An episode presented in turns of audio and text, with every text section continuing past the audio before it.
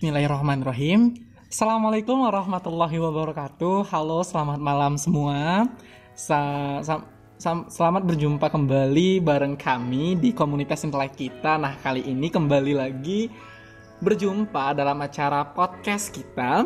Nah, kali ini pemirsa di mana pun Anda berada, baik itu lagi rebahan di rumah ataupun lagi dengar tausiah barangkali atau lagi baca atau lagi tugas atau lagi ngapain dan atau mungkin lagi ngemil ya. Nah, di sini kita bakal kenalan, kita bakal berbincang-bincang sekitar 30 menit ke depan untuk membahas seputar hal-hal yang unik pastinya, hal-hal yang urgent dan hal-hal yang sangat bermanfaat untuk kita.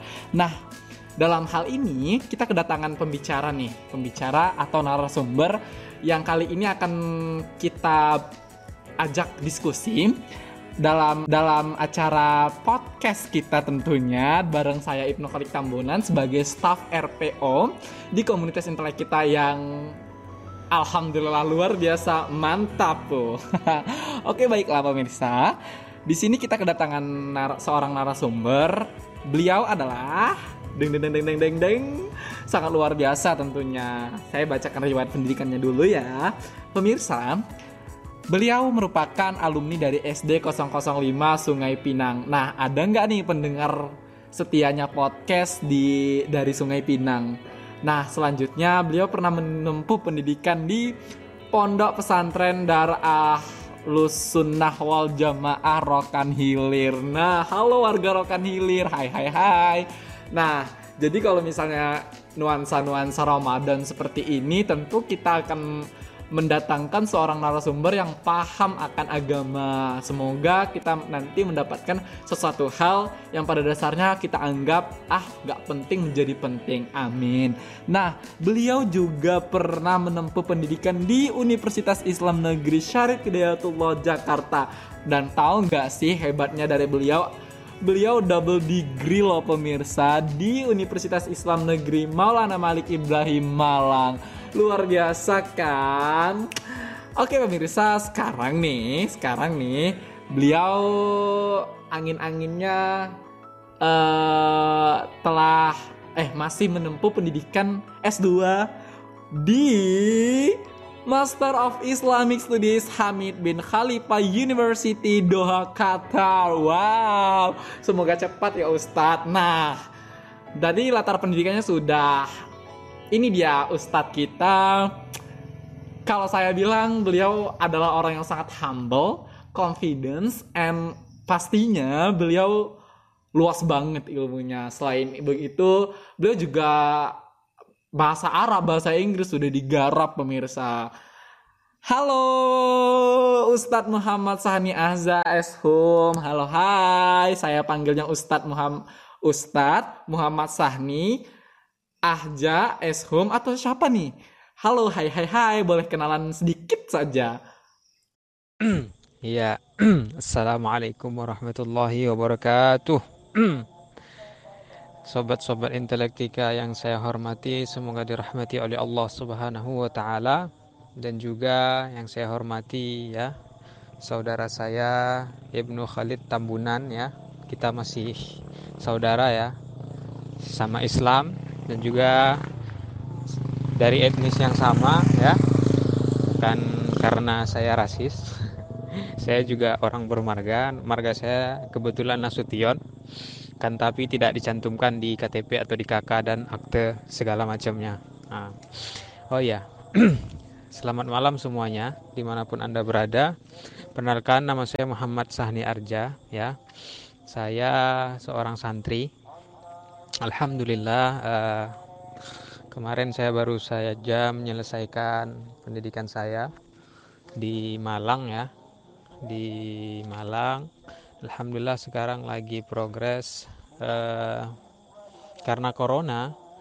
Uh, Alhamdulillah masternya ditunda. Akan tetapi sudah sudah diterima. Alhamdulillah. Akan tetapi perkuliahannya mungkin dimulai uh, setelah wabah berakhir. Semoga nanti teman-teman semua ya juga saya harapkan bisa aktivitasnya kembali lancar. Kita berdoa di momentum bulan Ramadan ini semoga wabah cepat berlalu dan semua keadaan kembali normal. Alhamdulillah nanti saya akan melanjutkan pendidikan di Hamad bin Khalifa University uh, jurusan atau spesifiknya lagi di Islamic Studies. Oke, okay. uh, cukup sekian sih perkenalan ya. Ya kebetulan saya ya orangnya suka bercanda. Jadi kalau yang agak rada-rada formal gitu, kayak gimana gitu ya, nggak kaku gitu. Makanya ketika saya di mana pun ya nyam, menyampaikan sebuah materi atau misalkan saya menyampaikan kultum di masjid itu saya selalu menyampaikan humor-humor yang memberi pesan ya. Humor-humor yang memberi pesan moral atau yang memberi uh, setidaknya uh, main apa namanya intention bagi orang-orang yang mendengar kembali kepada saudara kita Ibnu Khaldun Tambunan. Wah, wah, wah, selamat malam kembali Ustadz. Nah Ustadz, uh, ya nggak apa-apa, kita bawa sebagai ini walaupun berbasis literasi tapi tidak masalah kita campur adukan lelucon-lelucon kita di sini karena sebagaimana yang saya ketahui tentang Ustadz, Ustadz ini adalah orang yang sangat humble jadi saya sangat suka terhadap apa yang Ustadz sampaikan. Baik Ustadz, nah ada hal yang menarik dari uh, pembicaraan pertama Ustadz tadi, Ustadz mengatakan bahwasannya uh, karena corona dan sebagainya. Nah ini ini yang akan kita bahas nih.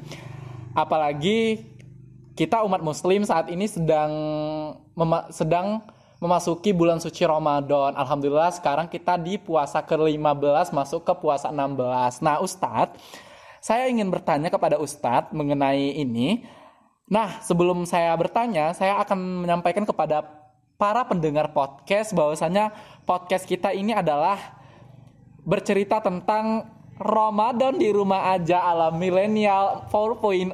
Nah, kita kan di sini milenial 4.0 ya kan Ustadz? Ustadz, ya nggak sih? Eh, milenial 4.0? Sepertinya iya juga Wanda. Oke, mungkin iya atau mungkin bisa jadi tidak kita anggap ya aja lah ya seumuran dengan kita. Oke Ustadz, nah di sini saya ingin bertanya kepada Ustadz, gimana sih kalau misalnya Ramadan Pak pemerintah menganjurkan bahwasanya setiap uh, kegiatan baik itu kegiatan keagamaan dan sebagainya itu dilakukan di rumah aja, hashtag di rumah aja. Nah, pendapat Ustadz mengenai hal tersebut gimana Ustadz? Apakah emang efektif kita di rumah aja untuk melakukan kegiatan dan sebagainya Ustadz. Uh, saya kembalikan kepada Ustadz, waktu dan tempat saya silahkan Ustadz. Masya Allah, pertanyaan yang luar biasa. Oke, okay.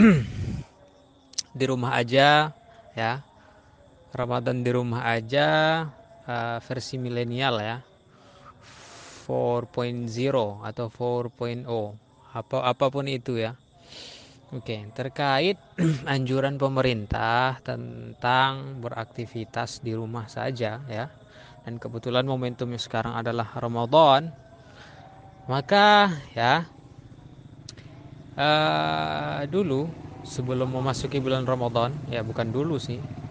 Uh, dua pekan yang lalu itu Majelis Ulama Al-Azhar ya. Kita tahu Al-Azhar sebagai uh, pusat uh, studi Islam ke keilmuan Islam yang ada di dunia itu kan rujukannya kebanyakan di sana itu majelis ulama di sana itu memutuskan untuk uh, menghimbau kepada kaum muslimin ya uh, untuk melakukan amal ibadah kegiatan amalia Ramadan itu di rumah mengingat bahwasanya wabah ini memang bukan cuma sekarang terjadinya ya. Dulu pada zaman Rasulullah Shallallahu Alaihi Wasallam itu pernah terjadi sebuah wabah. Rasulullah itu dulu di Madinah itu uh, kota Madinah itu setiap sudut kota Madinah itu ada gerbang. Jadi setiap orang mau keluar itu tahu. Setiap orang masuk kita tahu siapa yang masuk dan siapa keluar. Itu ketika wabah terjadi itu Madinah dikunci.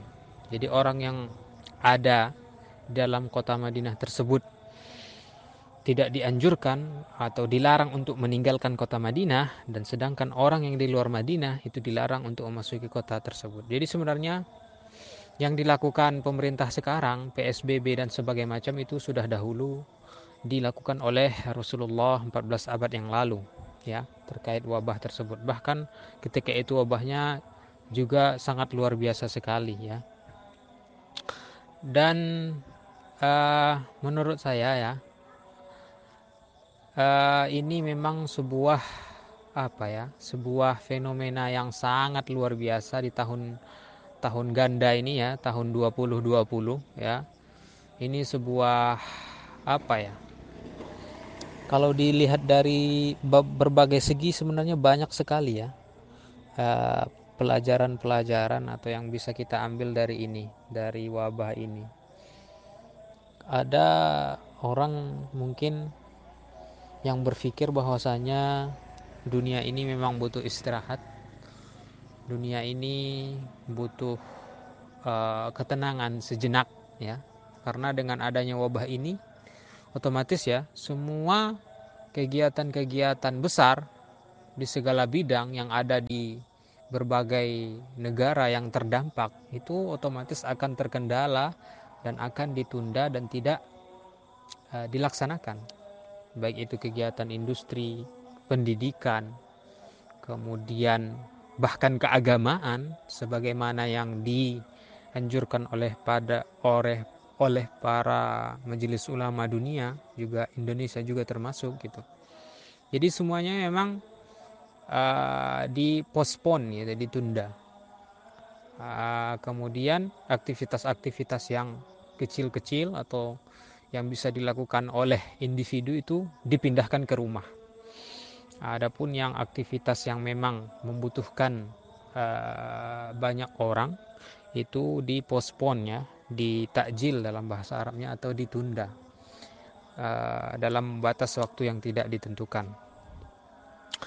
Uh, sebenarnya ini merupakan waktu momentum bagi kita juga untuk apa ya? Kalau milenial mungkin ya eh, apalagi para para mahasiswa ya. Sekarang ini memang waktu bagi mahasiswa untuk mengasah kembali ya skill kemampuan mereka ya dengan belajar di rumah. Mungkin bisa meluangkan waktu untuk membaca buku atau bahkan mungkin dalam momentum Ramadan ini seseorang misalkan mahasiswa atau siswa atau pelajar atau siapa pun itu mungkin uh, bisa meluangkan waktunya untuk mempelajari ilmu agama kemudian karena sekarang kan banyak sekali pengajian-pengajian yang di yang dilakukan oleh para guru-guru, para ustadz-ustadz dai-dai kondang melalui online gitu ya. Jadi kita hanya bermodalkan paket, kita bisa ngaji langsung kepada orang yang berilmu ya banyak sekali alternatif-alternatif kegiatan yang memang produktif selama pandemi corona ini melanda gitu. Jadi tidak ada alasan untuk tidak uh, apa ya? Tidak ada alasan untuk tidak dapat apa-apa sama sekali selama pandemi corona ini melanda. Seperti itu. Wah, luar biasa sekali ya penjelasannya Ustadz. Nah, Ustadz di sini saya menangkap satu hal yang luar biasa dari apa yang Ustadz sampaikan, bahwasanya sudah sejak lama ada hal masalah PSBB dan sebagainya. Karena pada zaman Rasulullah pun beberapa hal penyakit besar, wabah-wabah penyakit seperti itu sudah ada. Nah, saya juga sepakat apa yang telah Ustadz sampaikan, bahwasanya wabah COVID-19 ini adalah fenomena yang sangat luar biasa, yang mana Ustadz tadi mengatakan bahwasanya momentum bagi milenial untuk mengasah kembali skill kemampuan dengan belajar di rumah, seperti membaca dan sebagainya. Saya sangat setuju itu Ustadz, apalagi seperti kita uh, milenial 4.0 itu tentunya sangat rentan akan isu-isu terkini baik itu hal-hal dari dalam Indonesia sendiri ataupun luar Indonesia sendiri. Nah, selain daripada itu, Ustadz tadi memberikan atau milenial juga bisa meluangkan waktu untuk mempelajari ilmu agama. Nah, ini yang menarik nih Ustadz. Kita sebagai mahasiswa muslim ataupun pelajar muslim dalam bulan Ramadan ini dituntut untuk memang mengasah ilmu agama kita. Tapi nih Ustadz, tapi nih ada tapinya nih. Yang bersinggungan dengan agama nih ya, saya sebagai milenial 4.0 itu rasanya sebagai milenial sangat berat untuk melakukannya Ustadz. Milenial disuruh untuk belajar di rumah, disuruh untuk mengasah ke ilmu agamanya, bahkan lebih sering untuk stalking dengan IG dengan uh, stalking IG, Facebook dan sebagainya. Mereka bahkan lebih lama, lebih meluangkan waktu di era COVID-19 ini, di era kuliah daring ini, di era stopnya ini kegiatan-kegiatan di luar, bahkan mereka masih kalau saya katakan Ustadz, itu masih merugi Ustadz, karena mereka tidak mengetahui bagaimana cara untuk menjadikan diri sebagai mahasiswa yang produktif. Nah, apakah Ustadz ada satu atau hal yang dapat Ustadz sampaikan untuk membuka pola pikir bagi mahasiswa nih, terususnya mahasiswa muslim, untuk tetap belajar agama, tetap bawa yang namanya teknologi, biar bisa belajar tentang agama di handphone dan sebagainya. Karena Ustadz, kalau ikut-ikut dalam pengajian-pengajian online, mungkin banyak nih yang milenial-milenial yang kurang setuju ataupun kurang suka dengan yang sebagainya. Apakah Ustadz punya tips? Tips-tips untuk milenial agar bisa memperdalam ilmu Al-Qur'annya mungkin ataupun hal-hal yang bersinggungan dengan keagamaan di era COVID-19 ini Ustadz agar lebih produktif di rumah aja, nggak hanya stalking stalking WA dan dan sebagainya, Ustadz. Gimana Ustadz? Silakan. Pertanyaan bagus. Jadi belajar ilmu agama yang saya maksud di sini itu ya bukan belajar dengan us gimana ya belajar gitu men, kita mendengarkan kemudian ustadz menyampaikan bukan kita juga bisa belajar ilmu agama dengan apa ya dengan langsung menerapkan hal-hal mendasar yang dianjurkan oleh agama. Contoh nih, langsung action aja. Contoh misalkan, kita belajar bagaimana cara memfilter berita-berita. Sekarang ini kan lagi maraknya hoax. Sekarang ini banyak oknum-oknum yang berkepentingan di balik musibah ini. Mereka menyebarkan uh, info informasi yang memang tujuannya untuk memberi kegaduhan terhadap khalayak ramai. Nah, kita ya sebagai mahasiswa muslim kita peduli terhadap agama kita bisa melakukan yang namanya apa? Filterisasi itu. Kita memberi ya kita mensaring informa kita saring informasi kemudian kita sampaikan kepada keluarga. Kemudian apabila ada keluarga yang meyakini atau yang mendengar sebuah informasi yang salah misalkan kita bisa mengklarifikasi.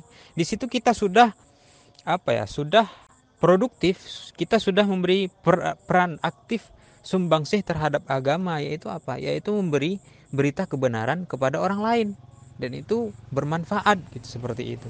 Itu hal mendasar yang sebenarnya sangat mulia loh itu. Nah, kita sebagai mahasiswa ya yang biasanya dikenal orang sebagai intelektual, hal-hal sederhana seperti itu seharusnya kita lakukan gitu. Terkadang sekarang kan banyak sekali berita-berita hoax yang terkadang ada di grup WhatsApp keluarga, kemudian yang mengirim terkadang itu paman kita sendiri atau bahkan ibu atau orang tua sendiri.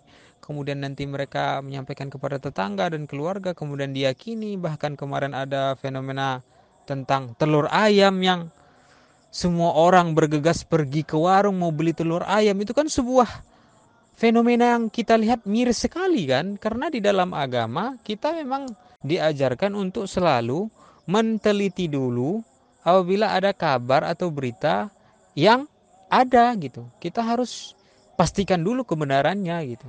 Nah, kita bisa ambil peran di sini. Dalam agama kita bisa ambil peran di sini gitu. Ketika kita misalkan di rumah atau di kampung itu kita bisa memberikan pencerahan, kita bisa memberikan arahan kepada orang-orang tua kita, orang-orang di sekitar kita untuk memperhatikan lagi informasi-informasi yang beredar sekarang di masyarakat misalkan. Seperti itu semisalkan saya kasih contoh action yang memang memberikan sumbangsih terhadap agama gitu. Itu kita bisa belajar langsung dari informasi, kemudian kita bisa langsung memberikan action untuk memfilter berita-berita mana yang fakta, mana yang hoax, kemudian kita sampaikan kepada orang-orang terdekat kita supaya mereka juga tidak ketinggalan informasi seperti itu. Nah, benar sekali Ustadz. Banyak sekali berita-berita hoax, apalagi berita hoax tentang COVID-19, dan berita-berita hoax yang berasuskan agama juga banyak sekali ya Ustadz di bulan Ramadan ini tentunya seperti baru-baru ini yang kemarin-kemarin lagi booming-boomingnya ya tentang telur-telur tuh iya benar sekali. Nah sebagai seorang mahasiswa tentu kita harus memfilter. Nah hal-hal mendasar yang dianjurkan agama itu. Nah lo paham ya sahabat intelek kita semua di mana pun anda berada masih setia kan mendengarkan podcast kita pada hari ini. Nah sebagai seorang mahasiswa sudah seharusnya kita melakukan filterisasi karena kita sudah melakukan hal yang bermanfaat dan itu sangat produktif sekali ya Ustadz. Oke Ustadz, di sini Nah Ustadz, sebagai seorang pelajar nih, apalagi pelajar milenial 4.0, tentunya kita di bulan Ramadan ini harus memperbanyak membaca Quran. Nah Ustadz, di sini saya ingin menanyakan kepada Ustadz, apakah Ustadz sepakat kalau misalnya ada sebagian kaum merasa bahwasannya untuk membaca Quran memberatkan bagi dia Ustadz, apalagi di bulan Ramadan ini. Nah, mungkin alternatifnya adalah mendengarkan di audio ataupun mendengarkan di YouTube bacaan-bacaan Al-Quran. Ustadz, apakah hal tersebut juga dapat dikatakan produktif, efektif, atau bagaimana Ustadz? Mungkin Ustadz sendiri punya beberapa hadis yang mengibaratkan bahwasanya alangkah lebih baik untuk membaca Al-Quran atau mendengarkan Al-Quran juga baik gitu Ustadz. Karena kan kita tahu bahwasanya tak lepas teknologi dari kita membuka YouTube mungkin barangkali diselingi dengan mendengarkan ayat Al-Quran berarti lebih eh, lebih mudah daripada kita harus baca Al-Quran tersebut Ustadz. Bagaimana Ustadz?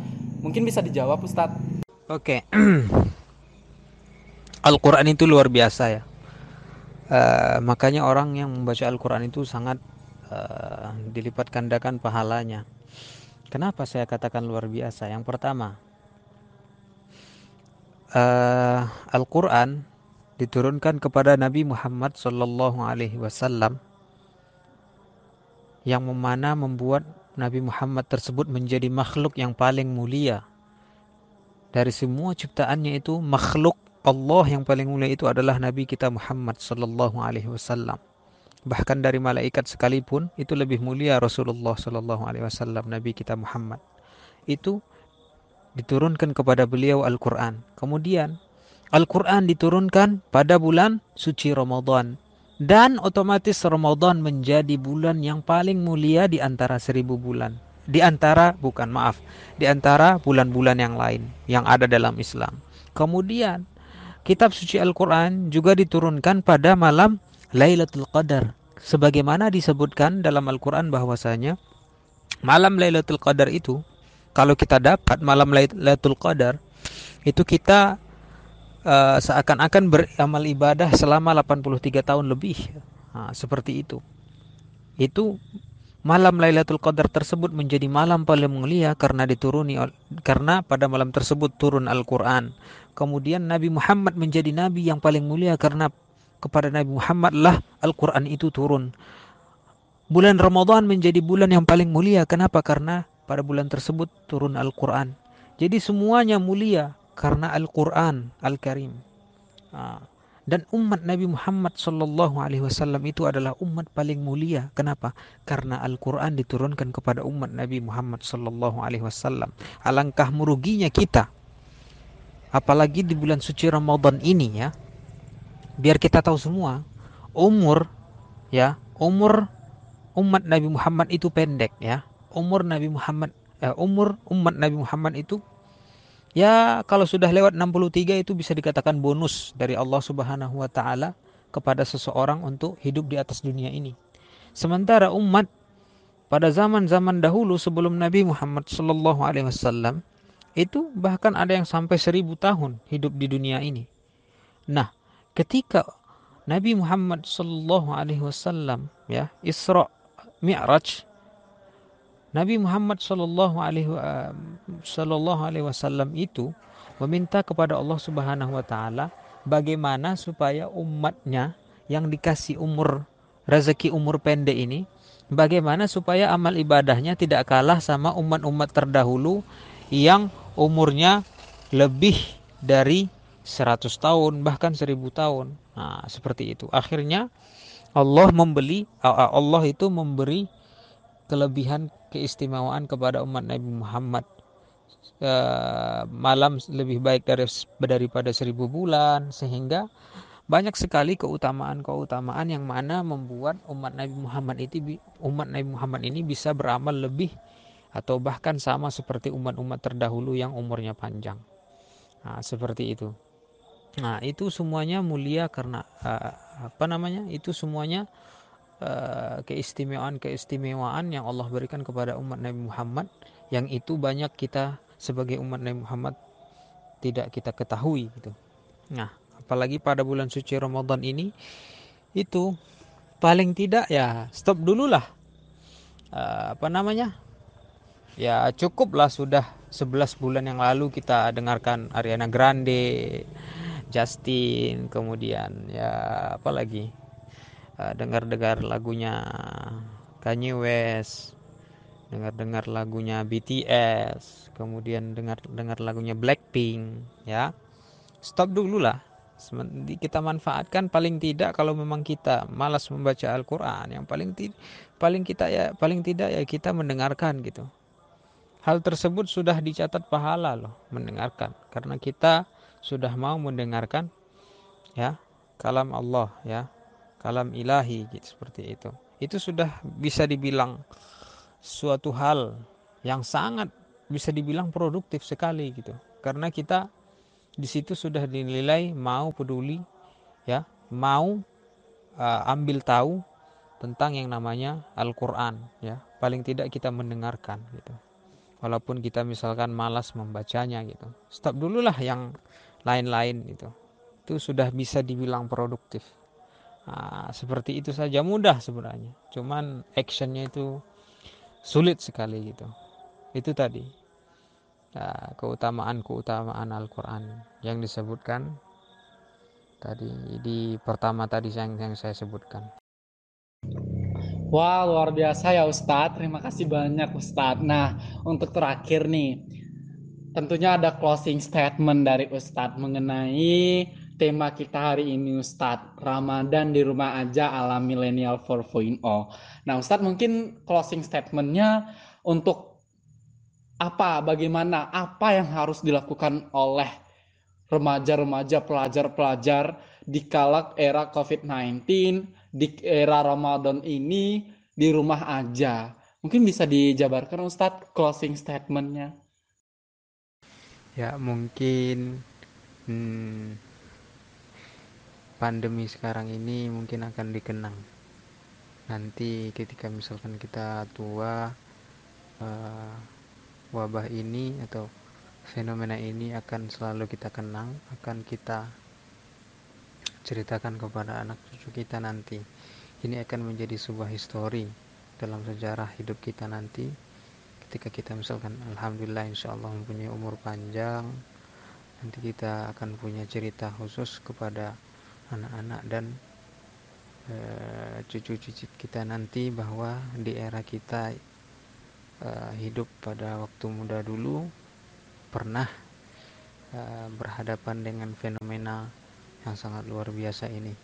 Jadi ya menurut saya sih kita bikin sesuatu yang memang itu nanti bisa menjadi tolak ukur balik uh, anak atau dari cucu cicit kita nanti. Mari kita bikin sejarah baru titik balik roda kehidupan kita di pandemi ini supaya nanti kita punya cerita indah yang akan kita ceritakan ketika kita dilanda oleh wabah justru kita dapat berbuat sesuatu yang memang itu nanti sangat berharga untuk ditinggalkan kepada anak cucu kita ketika kita sudah tidak ada lagi di dunia ini. Masya Allah, closing statement yang luar biasa ya Ustadz. Baiklah teman-teman podcast di mana pun Anda berada. Nah, cukup sekian hal hasil dari podcast kita pada malam hari ini. Nantinya insya Allah akan ada hikmah di balik pandemi COVID-19 pada saat ini kita rasakan seperti apa yang telah tadi Ustadz jabarkan dari awal sampai akhir. Ustadz telah tadi memberikan tips-tips dan bagaimana caranya untuk menjadi milenial yang baik di rumah aja di Ramadan kali ini. Semoga kita diberikan kelancaran untuk menjalankan puasa sampai nantinya pada ujung Ramadan kita dan semoga kita selalu dilindungi Allah Subhanahu wa taala dan intinya seluruh teman-teman tetap stay di rumah aja, tetap lakukan apa pun itu di rumah aja, tetap jaga kesehatan, berikan yang terbaik untuk seluruhnya. Maka daripada itu, saya sekali lagi mengajak kepada seluruh sahabat podcast di mana pun Anda berada, ayo sama-sama kita hentikan penyebaran COVID-19 yang nantinya kalau misalnya kita sabar, insya Allah akan berbuah manis seperti apa yang telah Ustadz sampaikan tadi. Terima kasih banyak Ustadz telah memberikan pandangan seputar COVID-19 ini, pandangan seputar Ramadan di rumah aja ala Millennium 4.0. Milenial banget ya kan Ustadz. Nah Ustadz, Terima kasih atas apa yang telah Ustadz sampaikan. Untuk Ustadz sendiri semoga lancar pendidikannya sampai nanti nyambung S3 dan sebagainya. Jangan lupakan kami ya Ustadz kalau nanti S3 di, di, di Universitas Impian Ustadz. Terima kasih banyak Ustadz dan terus untuk kita semua semoga kita dilindungi oleh Allah Subhanahu wa taala. Ustadz boleh ikut podcast uh, boleh ikut jargon kita, intelek kita ketika nanti saya katakan intelek kita, jawabannya adalah powerful, impactful. Oke Ustadz, kita mulai ya. Intelek kita powerful, impactful. Saya Ibnu Khalid Tamunan dan memohon maaf apabila ada kesalahan yang telah kami sampaikan terusnya kepada seluruh pendengar yang ada di di mana pun anda berada. Saya sudah dengan salam. Wabillahi taufiq Wassalamualaikum warahmatullahi wabarakatuh.